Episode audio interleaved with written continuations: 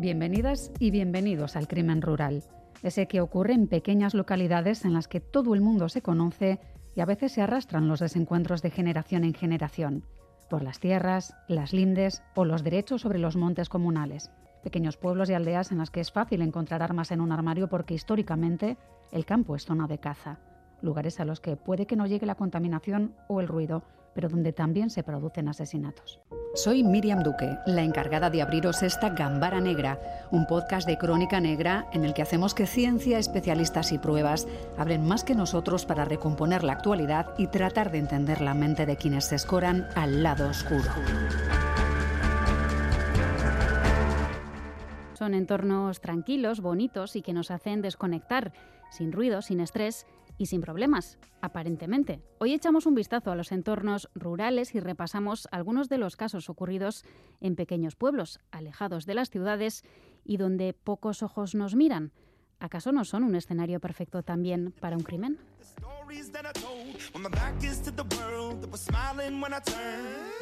Algunos se acordarán del crimen del policía retirado en un barrio de Amorebieta, por ejemplo. Un vecino lo mató a golpes en su huerta. Los dos mantenían un enfrentamiento desde hacía tiempo y la cosa acabó de la peor manera posible. El asesino, un hombre de 37 años, fue condenado a 12 años de prisión.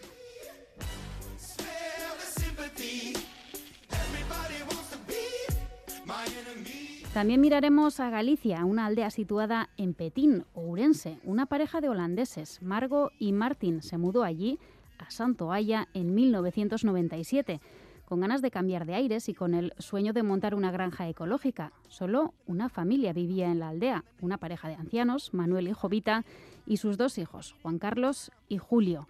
Al principio todo iba bien, hasta que Margo y Martín reclamaron sacar y compartir beneficios de la madera del monte comunal.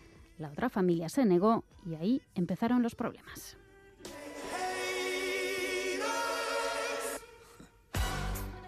La pareja holandesa comenzó a recibir amenazas y Martín grabó con su cámara cómo le descuartizaban el ganado o lo recibían a golpes. Interpuso denuncias y también grabó este momento. ¿Qué vas por eh, jabalí? Voy a por ti, responde Juan Carlos, el hijo menor, a Martín. Ya estás gordo para matarte. Y cuatro meses después, Martín desapareció cuando volvía a casa con su todoterreno. Nada se supo de él durante cuatro años hasta que encontraron su vehículo calcinado y sus huesos en un lugar apartado del bosque. Alguien le había disparado con una escopeta. Según el relato del fiscal, Juan Carlos, el menor de los hermanos y con una discapacidad mental, fue el que disparó. Él mismo se lo confesó a la Guardia Civil. El hermano mayor, Julio, se deshizo de las pruebas y del cadáver, quemando el coche. Con Manuel y Jovita fallecidos y los hermanos fuera de la aldea, en Santo Haya queda ahora solo una persona, Margo, la holandesa, que a pesar de lo ocurrido, decidió quedarse para cumplir su sueño y el de Martín.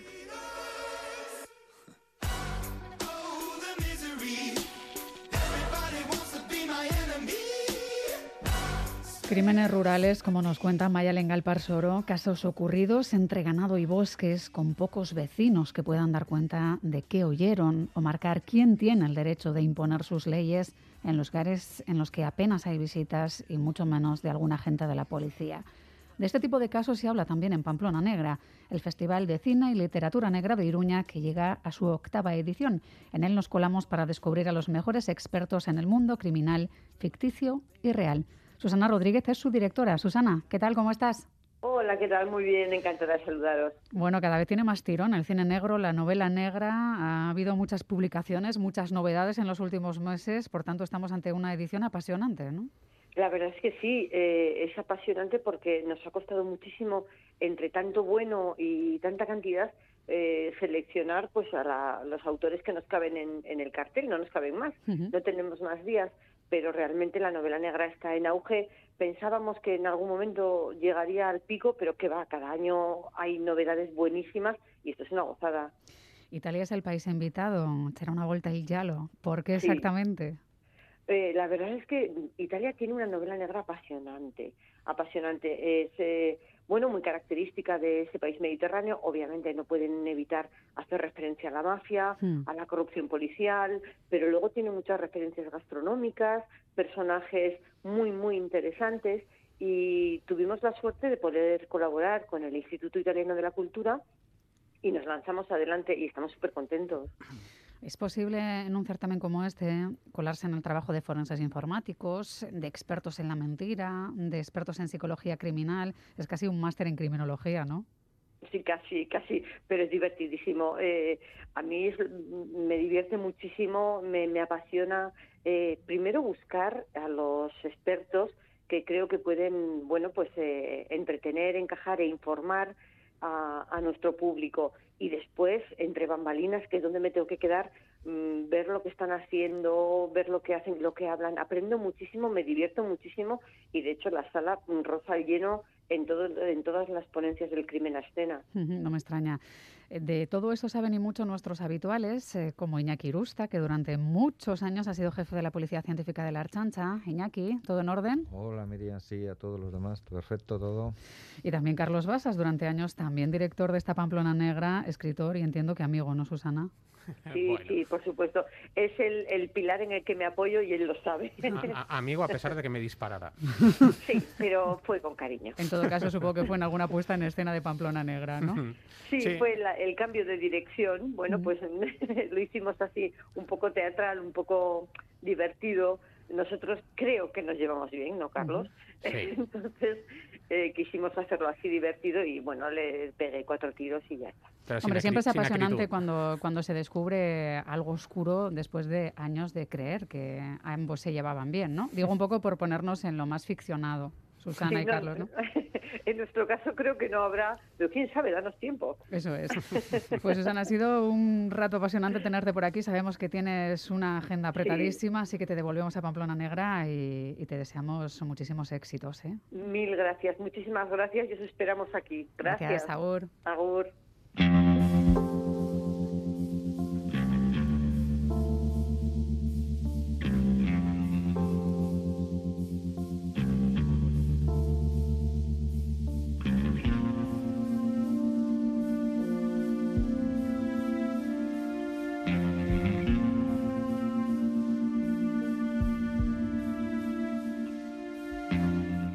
Hablamos eh, de cómo en Pamplona Negra ponemos eh, frente al espejo del crimen literario o el de televisión el crimen real. Y un buen ejemplo es uno de los platos fuertes de esta jornada. El título ya invita Happy Valley, pequeños pueblos no tan tranquilos, lugares bucólicos en los que un día salta la chispa y la venganza o la rabia se desatan con consecuencias desastrosas. De ello nos habla el encargado de la ponencia, que es Pablo de la Fuente, Policía Foral de Navarra. Hola Pablo, ¿qué tal? Hola, buenas, ¿qué tal?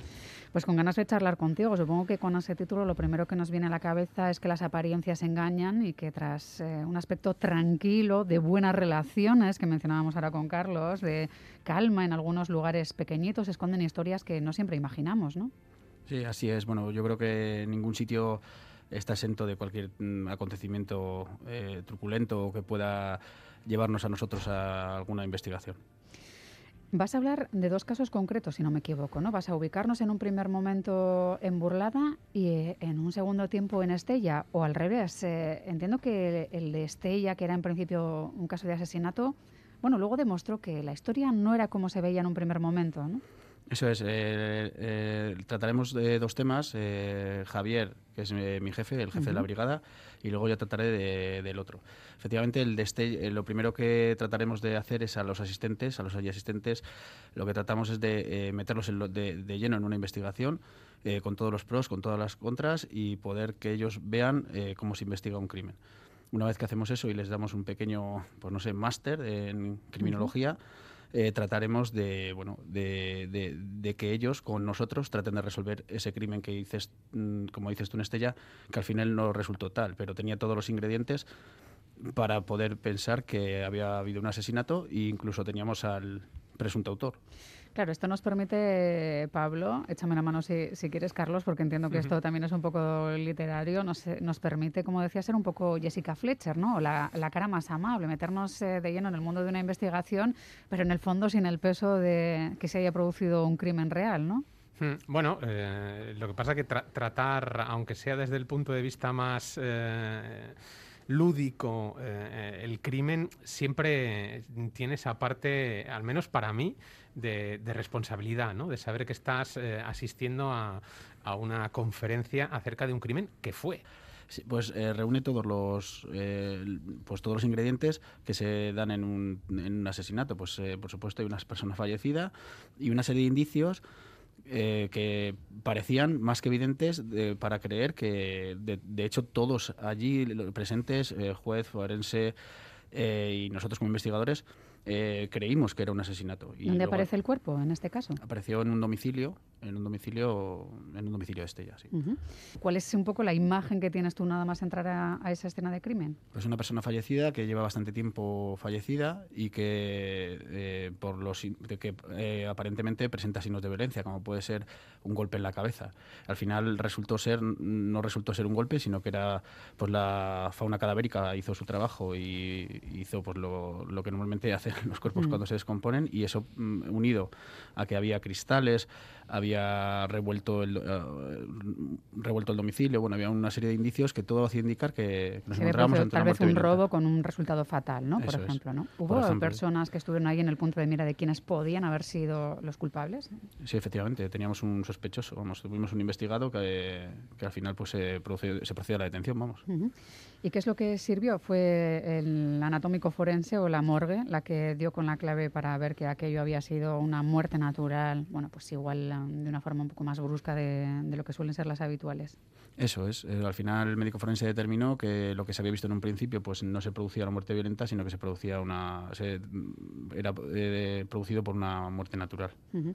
Pablo, en el otro caso eh, hablamos de un crimen machista. Ahí la víctima era la nueva pareja del acusado del crimen y también se había producido una suerte de acoso en el tiempo, ¿no? que es otra de las fórmulas que vamos a ver en un caso posterior ya con Carlos. Sí, al final lo que hay en esa investigación eh, pues está bien porque hubo un montón de, de indicios y hubo un montón de técnicas, ¿no? Porque eh, a través del teléfono móvil y el análisis de la, de la telefonía eh, pudimos ver eh, que efectivamente se trataba de un, de un crimen machista, se, pudo ver que lo que pudo ver el, el asesino, en este caso condenado y ya eh, sentenciado con condena firme, eh, lo que había visto en ese terminal de teléfono fue lo que le produjo esos celos o ese arrebato para ir y acabar con la vida de la actual pareja de, de, su, ex- de su expareja. Vamos. Hemos leído que incluso llegó a disfrazarse. Eh, cuando se habla de disfraz en tema penal es cuando utilizas, pues, por ejemplo, un gorro, que es lo que utilizó él. Un simple gorro para Sí. tratar de, de pasar desapercibido Sí, un pasamontañas o cualquier cosa, pues ya utilizas como un disfraz, se dice en, en tema penal. en el argot, ¿no? Mm. Claro, a, a veces da la sensación de que si solo se pone a alguien un, un gorro o un pasamontañas es que no sé si va con la sensación de que muy pocas posibilidades tiene de ser detenido, ¿no? Demasiada autoconfianza o demasiada confianza en uno mismo, ¿no? O tal vez Mm. no yo tengo no tengo yo todavía la, la crimen, la mente para el crimen.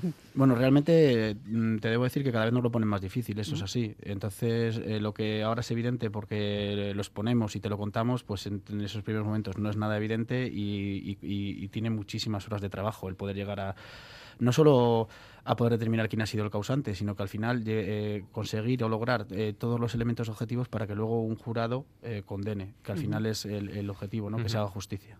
En el caso de Burlada, esto ocurrió en un bar. ¿Dónde ocurrió exactamente? ¿Cuál es la escena un poco que nos encontraríamos eh, en el taller que vas a impartir?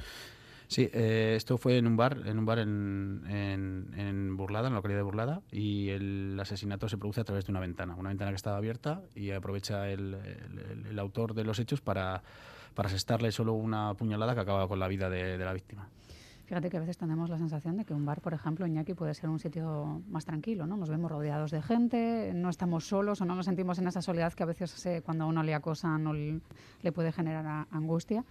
Y mira, en este caso no sirvió para proteger el que hubiera más gente, ¿no? Bueno, sí, ya hemos tenido casos eh, de hechos en bares, en algunos casos aprovechando un poco la soledad de la víctima, en sea eh, es pareja o sea la persona que se encargaba de la limpieza, como tuvimos un caso en Vitoria, un caso además de mucha relevancia que nos costó aproximadamente cerca de ocho años resolver el mismo. Y, sí, no, el hecho de que haya, de que haya, pues en este caso, como el caso que ha comentado Pablo Gente, pues, pues no es óbice para que se produzcan estos no, hechos. No, no, eso no, pero sí es mm. verdad que nos sentimos un poco más arropados. Que entre lo que es la, un poco la muchedumbre y tal, pues que la gente se va un poquito sí. Entiendo que siempre es más fácil plantear la situación de que algo así puede pasarte, Pablo, cuando estás paseando por un bosque y se te hace de noche de forma inesperada, ¿no? Que da un poco más la sensación de desamparo que en un sitio en el que ves gente a tu alrededor tomando café, pero como has podido comprobar, estas cosas pasan. ¿Fue muy complicado de gestionar este caso? Eh, yo creo que al final eh, lo que utiliza este tipo de autores al final es precisamente eso. Eh, se sienten más cómodos en esos ambientes porque nadie va a esperar eso, nadie va a estar protegido. De hecho, al final lo que se puede determinar es que la víctima no, se, no tiene capacidad de defensa, no se puede defender. Por eso, entre otras cosas, es un asesinato y no un homicidio. ¿no? Entonces, bueno, eh, cuanta más gente hay, a veces es mejor y a veces es peor. Hablo para la investigación. ¿eh? En este caso, pues eh, tuvimos que tirar pues, de lo que es la telefonía, del el terminal y del ADN. también hubo huellas dactilares, pero bueno, un poco de todo. ¿no? O sea, lo hemos escogido para exponerlo porque tenía un poco de todos los ingredientes o de casi todos los ingredientes que puede tener un tipo, una investigación de este tipo. Pues esta era la segunda escena que nos podíamos encontrar, pero vamos a seguir trabajando en otros escenarios también de crimen.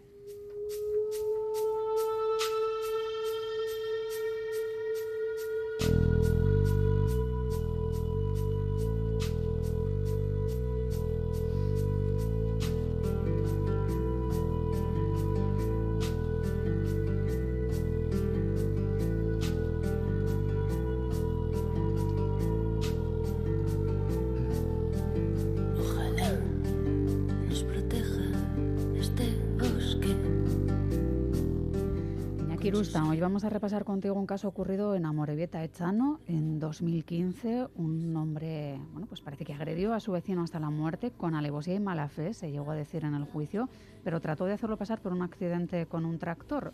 Todo esto ocurría una tarde de septiembre. ¿Qué os encontrasteis al llegar allí? Efectivamente, esto ocurrió sobre el 17 de septiembre del 2015. Eh, tenemos conocimiento que hay una persona fallecida en una huerta nosotros como policía científica las competencias son intervenir cuando hay hechos criminales, sea un homicidio, asesinato y demás delitos que son, en este caso, pues bueno, podría haber sido un simple accidente. Aún así, todos nos requieren que vaya el equipo, que observaban cosas raras, pues bueno, lesiones que presentaba el autor y cuando vamos a la víctima, pues nos encontramos a la víctima en el terreno con el tractor, un motocultor de estos, y pensamos que había sido efectivamente un accidente, para lo cual hicimos un estudio de las lesiones que él presentaba con las aspas del tractor, eh, estudiamos los bajos del tractor por si tenía algún resto de ADN que pudiera pertenecer a la víctima y bueno, observamos que todo eso fue negativo. no, concordaba las heridas que tendría si le hubiera atropellado el tractor. Efectivamente, y lógicamente hubiésemos localizado pues restos de las prendas o seguramente restos de sangre y demás elementos y eh, fue avanzando la investigación. Fue avanzando la investigación. En estos casos ya sabemos que trabajamos paralelamente los equipos de investigación, así como la policía científica, con los análisis que va realizando en la mano, y nos vamos juntando. Y bueno, pues salió a la palestra un vecino que pues que tenía bastantes rencillas con este hombre, de unos 37 años, la víctima tenía unos 61, que llevaban años con problemas, ¿no? Un vecino que tenía ahí las inmediaciones de la huerta y se empezó a tirar de ese hilo, lo que pasa que ese vecino, una vez hecho eh, el asunto, pues marchó, huyó con su vehículo a la zona del Gran Bilbao, ¿no?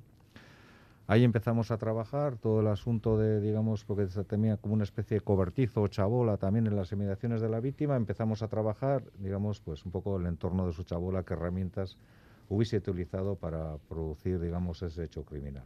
Sí, que encajaba, ¿no? Un poco que encajaba. En resumen, un poquito de lo que pensamos que en principio iba a ser un mero accidente fortuito con un tractor, pues eh, pasó a un tema de un homicidio. Digo homicidio porque luego la sentencia así se determinó, porque este hombre, pues bueno, pues tenía algún problema pues con el asunto de las drogas y algo tema mental y tal, que luego su abogado lo, lo trasladó para como, como eximente, ¿no? Como, como eximente, como sí.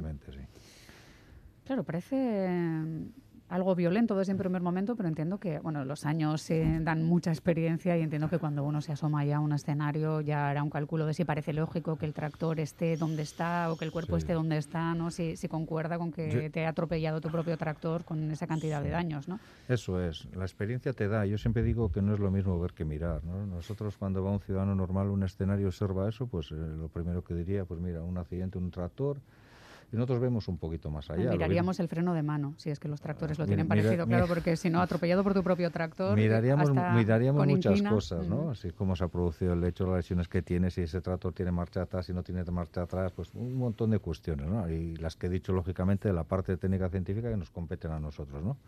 O si tenía alguna anomalía o algún problema técnico esa, esa herramienta. Pero es muy importante no dejarse llevar por esas primeras impresiones. ¿eh? En este campo nosotros tenemos que ser bastante observadores, digo, muy observadores y bastante fríos, incluso en este delito o en otros eh, fríos desde el ámbito, pues eh, muy objetivos y no dejarnos llevar por los sentimientos y, por las sensaciones, las sensaciones que muchas veces se ha hecho, empiezan, ha hecho, ha cometido, no sé, porque le he visto yo, pues esas cuestiones que al final se derivan de la ciudadanía que nosotros nos tenemos que abstraer. Yo siempre digo que nos tenemos que abstraer a las mismas. Sí, pero es verdad que conviene saber quién se lleva bien y quién se lleva mal, por lo menos para tener una lista. Y aunque haya pocos vecinos, hay que tener esas cosas en cuenta porque hemos visto dos vecinos que su relación fue empeorando y acabó de la peor manera. Y el siguiente viaje que nos lleva al crimen rural nos lleva también a una aldea de Galicia casi abandonada. Buscando casa donde habitar cun xardín pequeno carondo azul unha xaneliña un espello grande para día o rostro e poder contar Una familia queda viviendo en esa aldea cuando llega un matrimonio holandés buscando una vida más conectada a la naturaleza. Son Martín Berfonderden y Margot Paul. Los primeros años ambas familias parecen llevarse bien, por momentos incluso muy bien, pero el dinero se cruza. Los oriundos no quieren compartir con nadie el dinero que obtienen del entorno del bosque y empiezan los acosos, o eso dicen, tanto que llegan a calificar su situación de terror rural y graban, por su seguridad, momentos de tensión como este cuando Juan Carlos, uno de los vecinos, armado, le dice... ¿Qué vas por eh, jabalí? Ah. Ya estás gordo para matarte, voy a por ti, como Margot recordaba ante las cámaras haber denunciado una y otra vez. Denuncias por, por golpes, por, por eh, peleos. Carlos, temían lo peor y lo peor acabó ocurriendo. Martín Berfonderden murió de un disparo de escopeta en enero de 2010, un 19 de enero, pero su cadáver calcinado en un vehículo no se encontró hasta cuatro años después cuenta el documental, el True Crime del que vamos a hablar hoy, que se llama Santo Aya, eh, que es Santa Eulalia en, gallego. Y, que es el nombre de esa aldea en la que este matrimonio holandés decide eh, buscar un refugio en el que pasar el resto de sus días. ¿no? Eh, él era impresor, ella pues se dedicaba a otras labores y deciden dejarlo todo comprar una autocaravana, dedicarse a viajar por eh, toda Europa durante dos años y establecerse finalmente en esta pequeña aldea gallega que estaba totalmente despoblada ya y ruinosa, excepto por esta familia. Eh, formada por cuatro miembros, eh, un matrimonio y sus dos hijos, y que le reciben muy bien al principio. este matrimonio holandés cree que su sueño se ha cumplido y todo marcha bien, como decías, hasta que, eh, bueno, eh, ellos como habitantes nuevos del pueblo solicitan el derecho sobre los montes comunales, ¿no? En este caso es el derecho sobre la tala eh, de pinos que rodean la, la, aldea y eso les lleva a juicio con ese otro matrimonio con el que, bueno, hasta ese momento se llevaban aparentemente bien. Pero es mucho dinero. Pero bueno, tampoco es mucho dinero, no creas. Eh, pero bueno, igual 10.000 euros para, para el ámbito rural es mucho dinero. Es más eh, el hecho de que eh, el patriarca de esa otra familia actuaba como alcalde, juez, jurado y única y máxima autoridad de esa aldea en la que solo habitaban ellos hasta la llegada de esos holandeses, con lo cual ahora tiene una voz que, les contesta. ¿no? Ya no es únicamente el dinero, es el desafío a, a esa autoridad ejercida sin freno durante tantos años y el juez eh, da la razón al matrimonio holandés, es decir, como habitantes de esa aldea tienen derecho sobre los montes comunales y apenas cuatro meses después de que esa sentencia eh, se reafirme, Martin desaparece un día. Sale de casa por la mañana con su enorme todoterreno eh, para ir al pueblo a hacer unas compras y ya no regresa. La mujer, Margot, eh, permanece viviendo en, el pueblo con sus sospechas, pero nunca confirmadas. Eh, al principio ella piensa que bueno, él puede haber tenido un accidente y la búsqueda de la Guardia Civil exhaustiva no logra dar con el vehículo. luego empieza a temer incluso que pueda haberse marchado, la puede haber abandonado y puede haberse marchado descontento. Eh, pero bueno, mm, cuatro años después, eh, fruto de unas podas eh, para abrir una pista forestal, ya sabéis que los montes gallegos son propensos, por desgracia, a ser incendiados pues encuentran ese, vehículo calcinado y unos metros más allá, eh, adentrado en el bosque, un cadáver. Ese cadáver ya es prácticamente resto óseo porque las alimañas y los animales del bosque lo han devorado por completo. Eh, al principio no saben de quién es, pero bueno, fruto de los análisis de ADN, etcétera, pues eh, determinan que efectivamente es el cadáver de ese holandés loco desaparecido en una pequeña aldea de Petín y descubren también, fruto de la investigación, que ha muerto de un disparo. Lógicamente, eh, pues eh, los sospechosos no son muchos. ¿no? Eso, esto es un cluedo muy reducido en lo rural, muy pocos vecinos a, los que ¿no? Acusar al menos presuntamente de, su asesinato. aún así, aunque tú tengas sospechas, lo que estabais hablando, ¿no? Tienes que tener por un lado confirmación científica de que eso es un, homicidio, un asesinato, y por otro lado, eh, los investigadores tienen que tener la paciencia suficiente para saber quién de los cuatro miembros de esa familia ha sido el asesino, o si han sido los cuatro, si todos lo saben, si no. Eh, al final, fruto de las presiones en los interrogatorios, el hijo menor de esa familia, que tiene un retraso mental, confiesa haber sido él quien eh, al ver a Martin volver por la carretera, eh, tiene una discusión con él porque dice que va demasiado rápido, le pega un disparo y acude a su hermano, a su hermano mayor, para que le ayude a deshacerse del cadáver. Su hermano Julio. Y bueno, esa, esa, esa, es la historia, ¿no? Es, es una historia que nos, nos lleva a, a, pensar que, que el crimen está dentro de nosotros, estemos donde estemos, eh, ya sea en un entorno rural donde solo hay dos familias, incluso si hubieran dos personas. A mí me retrotrae a, a historias tan viejas como las de Caín y Abel, Rómulo y Remo. Es decir, donde haya una mínima convivencia humana, puede acabar existiendo el asesinato. Yo estaba pensando ahora, Carlos, en, el miedo de alguien que está aterrorizado por un vecino, ¿no? Porque decía Margot que, habían denunciado muchas veces. Eh, claro, en el único entorno solo está la familia que, te está acosando. No sé si Pablo ha tenido investigaciones eh, en pueblos muy, muy pequeños, pero entiendo que será complicado, ¿no? El, eh, el poder gestionar zonas grandes con poca población, con pocos agentes. no sé, también Iñaki esto tiene que ser bastante complejo, ¿no? Saber que hay alguien desaparecido que probablemente esté muerto y no tener medios suficientes para peinarlo todo hasta, hasta encontrar al menos el cadáver, ¿no? Sí, nosotros hemos tenido desgraciadamente alguna investigación de este tipo y la verdad que es súper complicado. En el año 2020 llevé una que todavía no ha sido juzgada y por lo tanto no, no puedo hablar de ella, pero la verdad que es muy, muy complicado. En este punto sí me gustaría eh, también desde la unidad llevamos eh, desapariciones de alto riesgo. Y me gustaría pues mandar un fuerte abrazo a la familia del desaparecido Estella que tenemos ahora en investigación y que todavía desgraciadamente no ha aparecido. Y me gustaría por lo menos que supieran que seguimos en ello y que todo mi apoyo para ellos.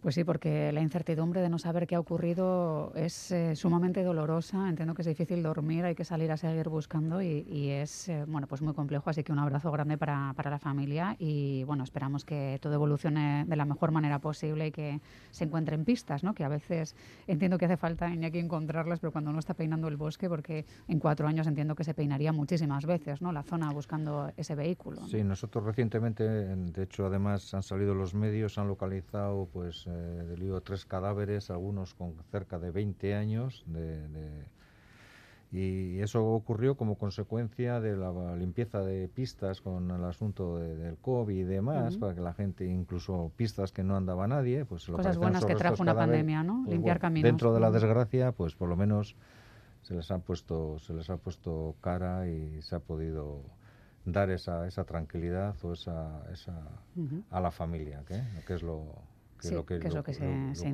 por lo menos. Y por aquí, Carlos, bueno, pues hemos conseguido descubrir un nuevo true crime que acabó convirtiéndose en documental porque, bueno, pues porque los personajes ya en sí mismos conformaban una, una realidad muy peculiar, ¿no? Porque ya había vídeos y grabaciones de ellos de cuando, ah, bueno, pues se llevaban bien, ¿no? Porque era una, una cosa muy especial, ¿no? Un pueblo Santo Agraya con una familia llegan unos holandeses, empiezan llevándose bien y todo acaba de, las peor, de la peor manera, con dos hermanos además que no se sabe si, bueno, pues uno estaba encubriendo al otro, fueron los dos o, bueno, hasta donde se pudo juzgar se juzgó. Sí, bueno, se juzgó, además se condenó al, hermano a 17 años de cárcel, al, sí, al pequeño, al autor material del crimen, al otro hermano pues eh, no, eh, como era, eh, estaba la eximente de parentesco en la ayuda a hacer desaparecer el cadáver, pues bueno, la pena que tuvo fue bastante más light pero eh, así es, ¿no? O sea, donde haya dos seres humanos puede existir tanto el amor como el odio. Pues así cerramos este espacio pensando, como nos decías, en crimen rural y retrotrayéndolo incluso a Caín y Abel. Carlos Basas, como siempre, aprendemos mucho también con Iñaki Irusta y agradecemos la participación hoy de Pablo de la Fuente, Policía Foral en Navarra, y le agradecemos eh, que nos haya hecho partícipes de esa presentación Happy Valley, pequeños pueblos no tan tranquilos. Pablo, hasta la próxima, que seguro que ahora. Muy bien, muchas gracias y también agradecer a Susana la invitación que ha hecho Policía Foral. Eso es, también un abrazo para Susana Rodríguez, la directora de Pamplona Negra, a la que agradecemos que nos haya hecho un hueco en una de las semanas más complicadas para ella del año probablemente. Carlos, un beso grande Hasta y luego. otro para ti, Iñaki, ¿eh? Dale, gracias, un saludo.